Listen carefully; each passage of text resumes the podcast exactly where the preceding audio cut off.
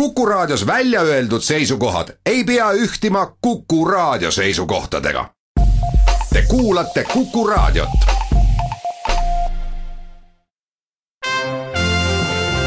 Tallinna Filharmoonia esitleb Filharmooniline huvitaja. tere, head kuulajad, alanud on Filharmooniline huvitaja mina olen täna selle saate seadja Rutt Tiidemann, aga see pole muutunud, et me endiselt huvitume heast muusikast ja kontsertidest, mis on tulemas. saatekülaline on täna Eesti üks ägedamaid tšelliste, Tallinna Kammerorkestri liige ja ka pedagoog Leho Karin. ja kuivõrd headel muusikutel on alati tegemisi palju, siis säästsin ta aega ja tulin ise muusika keskkooli, kus Leho Karin parasjagu tunde annab. ruum kolmsada kolm tere, tohib?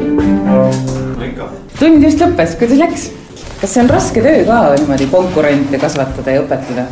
ma ei võta neid konkurentidena, kuigi noh, tegelikult jah, üks minu õpilasi, kes minu arust lõpetas keskkooli, nüüd mängib minu kõrval kammerorkestris.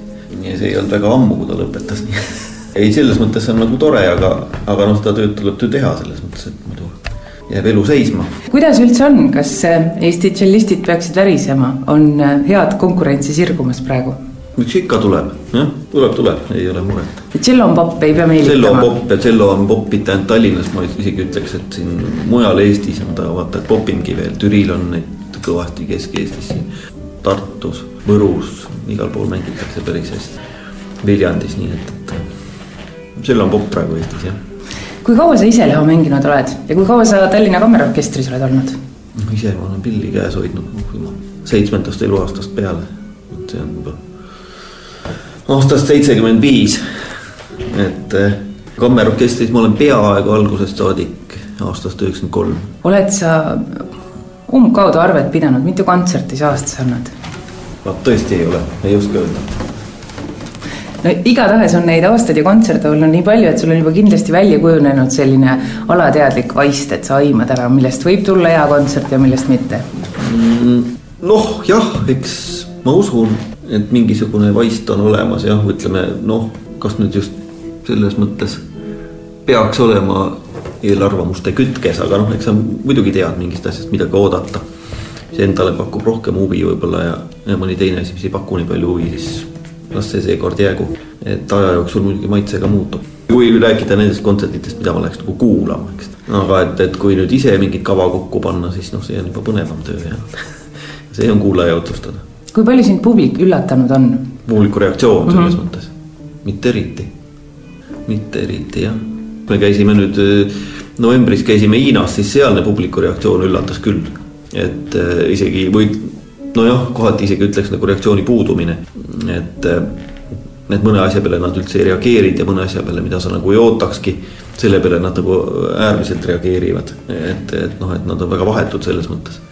ja, ja tõenäoliselt neil ka puudub üldse selline lääne mõistes kontserdi kuulamise kogemus, et see on hoopis teistmoodi milline on olnud see soe tagasiside, mille sa oled saanud ja mis on võib-olla mitte nii tavaline olnud?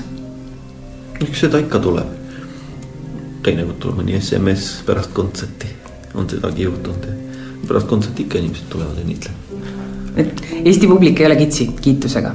kui on põhjust, siis, siis küll mitte tore, aga räägime sellest kontserdist, mis on kahekümne kuuendal jaanuaril Mustpeade majas. üles astub Tallinna Kammerorkester, solist on ja dirigent, teie kunstiline juht Risto Joost. just. mis on selle kontserdi selgroog? võib-olla seda peaks küsima Risto käest, kes on selle kava kokku pannud. noh, sedapuhku on meil juba teine selline kava, eelmine aasta oli meil esimene katsetus, et seda me niimoodi omavahel nimetame nagu eksperimentaalkontsertiks. et see on nagu töö pealkiri. et need kavad on seal väga põnevad ja, ja mitte siuksed traditsioonilised. eelmine kord sai seal ka võetud igast huvitavaid teoseid kavasse, nii kammermuusikat kui orkestriga ja seekord on täpselt samuti. aga mis seda kava seob noh, see kontserdi nimilugu on George Crumbi eh, teosest inspireeritud Black Angels, keelpilli kvartett ja see on kirjutatud Vietnami sõjale mõeldes kohe pärast seda sõja, sõda, isegi sõja ajal nagu. et see väga sellest mõjutatud teos ja, ja eks need teised teosed on ka võib-olla natukene siukse tumedama varjundiga. Schönbergi Verklärte naht, samamoodi see tegevus toimub öösel ja see selginemine. Ja, ja andeks andmine ja, ja samamoodi eh, John Dowlandi, vana muusiku, see pisarad, lakrimee, eks. ja on ka samamoodi selles eh, George Crumbi eh, teoses kuidagi nagu esi, esindatud, siin on see violakontsort, üks lõik on, on täiesti sihuke pavaan. Nendest noh, väga sarnasest muusikast, nii et seal oma telg jookseb sealt läbi, eks. ja, ja noh, kui rääkida sellest katsetamisest, siis omal ajal oli see ikkagi väga avangardistlik teos ja praegu siiamaani, eks. samamoodi nagu eh, John Cage'i see kuulus neli kolmkümmend kolm, eks. mis sa sellest palast arvad muidu? see on kuulus lugu. ei, see on huvitav kogemus ja kindlasti mitte ainult eh, mängijale, vaid ka kuulajale. mäletad sa, kui sa esimest korda sellega kokku puutusid, mida sa mõtlesid või mida sa tundsid? noh, eks see on samamoodi nagu, nagu Cage on seda ise mõelnud, et see võib-olla on rohkem nagu teadvuse olek, kuivõrd pingeline kuulamine, aga muidugi sa pead olema selles situatsioonis sees ja, ja tajuma selle vaikuse pinget, kui nii võib öelda, eks, et noh, see on päris nii. nii nagu inimesel see mõte liigub igaühel isemoodi aga muusiku jaoks on see pigem lihtne või raske esitada seda teost. kuidas sul? See on teistmoodi kogemus, ma ei oskagi seda niimoodi hinnata, on tal nüüd lihtne või, või, või raske. see on teistmoodi kogemus, sa pead ennast võib-olla natuke teistmoodi kokku võtma. ja aga noh, ega me oleme ka harjunud seda vaikust kuulama oma töö käigus, me oleme sunnitud selleks. lihtsalt see lugu on, on nagu vormitud lausa ümber vaikuse, seal on kolm osa vahepeal tuleb lehte keerata, dirigent keerab äh, demonstratiivset lehte seal. aga see pala sobib Toa. sinna õhtusse? Ma usun küll, jah. no lubatud on, et orkester sosistab, vilistab. kuivõrd hästi üldse Tallinna Kammerorkestrile sellised kelmikad kavad ja selline eksperimenteerimine sobib? küll ta sobib, me oleme seda ennegi teinud ju, neid lugusid on kirjutatud ju veel, mitte ainult see George Crumb mida me nüüd teeme kvartetiga, see ei olegi nagu orkestrilugu otseselt, et muudes lugudes orkester seal ei, ei vilista ega ei sosista ega ei karju minu teada. Et ma Kristjan Kõrgeväli looga ei ole küll nii tuttav, aga ma usun, et seal mingit sihukest väli, muid efekte ei ole. et aga neid lugusid on ikka tulnud ette orkestriga, kus on meil vaja muid hääli teha sinna. üks Mirjam Talli lugu on, mida me mängisime mõni aeg tagasi siin ja, ja Snitke Aine Kleine Tanel Jaade, kus pidi ka lausa tegema igast hääli seal, see on meil esitatud nii kuulsas kontsertsaalis nagu Musikverein lausa. Kus pidi ka hääli tegema orkestrist. et see tõesti valmistas inimestele teatud sihukest närvipinget et sellest asjast nagu üle olla, tõele au andes. nii et ja, ja noh, siin on muidugi vaja päris palju seda teha, nii et. et eks need proovid hakkavad nüüd pihta, vaatame, kuidas see kujuneb siin ja, ja seda tuleb teha, ma ei tea, kui mitmes keeles, igal juhul on siin jaapani keeles, ungari keeles, vene keeles, saksa keeles, suahiili keeles, ma ei tea, mis keeltes veel siin on kõik. et George Crump on väga suur sihuke numbri, numbrimüstik ja, ja talle need meeldivad numbrikombinatsioonid ja see maagia seal. nii et eh, siin tuleb lugeda numbreid ühest seitsmeni kõigis nendes loetletud keeltes. Vene keeles tõesti on küll ainult trinatsat, aga, aga muudes keeltes jah on kõik need muud numbrid siis, pluss veel muud igasugused hääled ja, ja see on jah, väga laias siukses värvikammas sosistusest kuni, kuni tõesti siuksene hõikeni, ma ei ütleks, et see on röökimine, ma pigem ütleks, et see on nagu hõige. sel õhtul on ka kaks esiettekannet. jah, Kristjan Kõrveri teos kindlasti on nagu päris esiettekanne, täiesti uus teos. skits orkestrile aga seesama John Dowlandi Flow My Tears, see on seade kambakontsordi ja kontratenori või ütleme siis hääle, häälele kirjutatud loo seade orkestril. et me oleme seda Ristoga mänginud ka kambakontsordiga, viie kambaga aga nüüd Tõnu Kõrvits tegi sellest seade orkestrile, nii et näeme, kuidas see siis kõlab suure orkestriga seesama ja Risto seal laulab siis. ja, ja nii, et ma ütlen, ega selles samas George Crumbis me peame ka imiteerima kambamängu, viiulid peavad. kuidas see käib?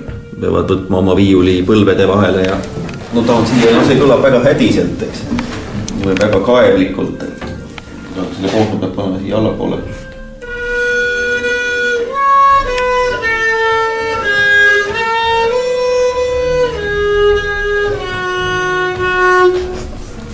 see oli vaba improvisatsioon.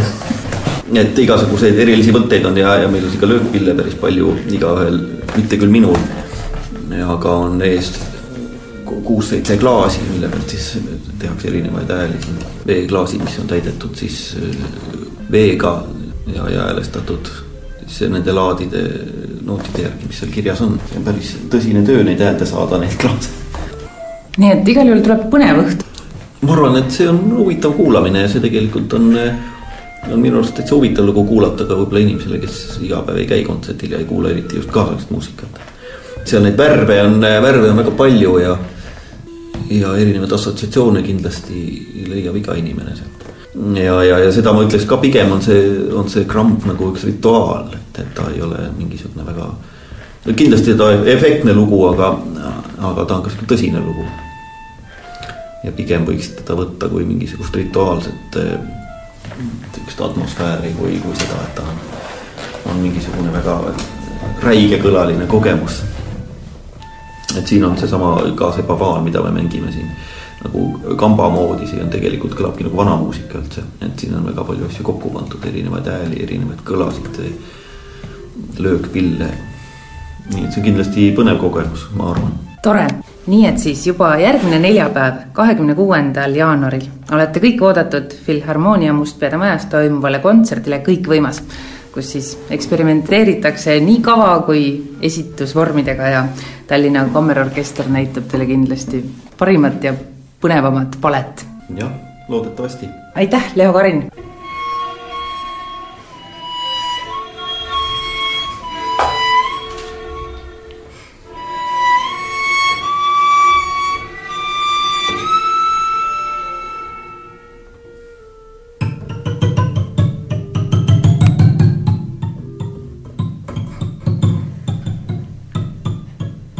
ja pisut veel lisainfot kontserdite kohta. Tallinna Filharmoonia Tough Club pakub hooaja lõpuni üle nädala põnevaid jatsuelamusi.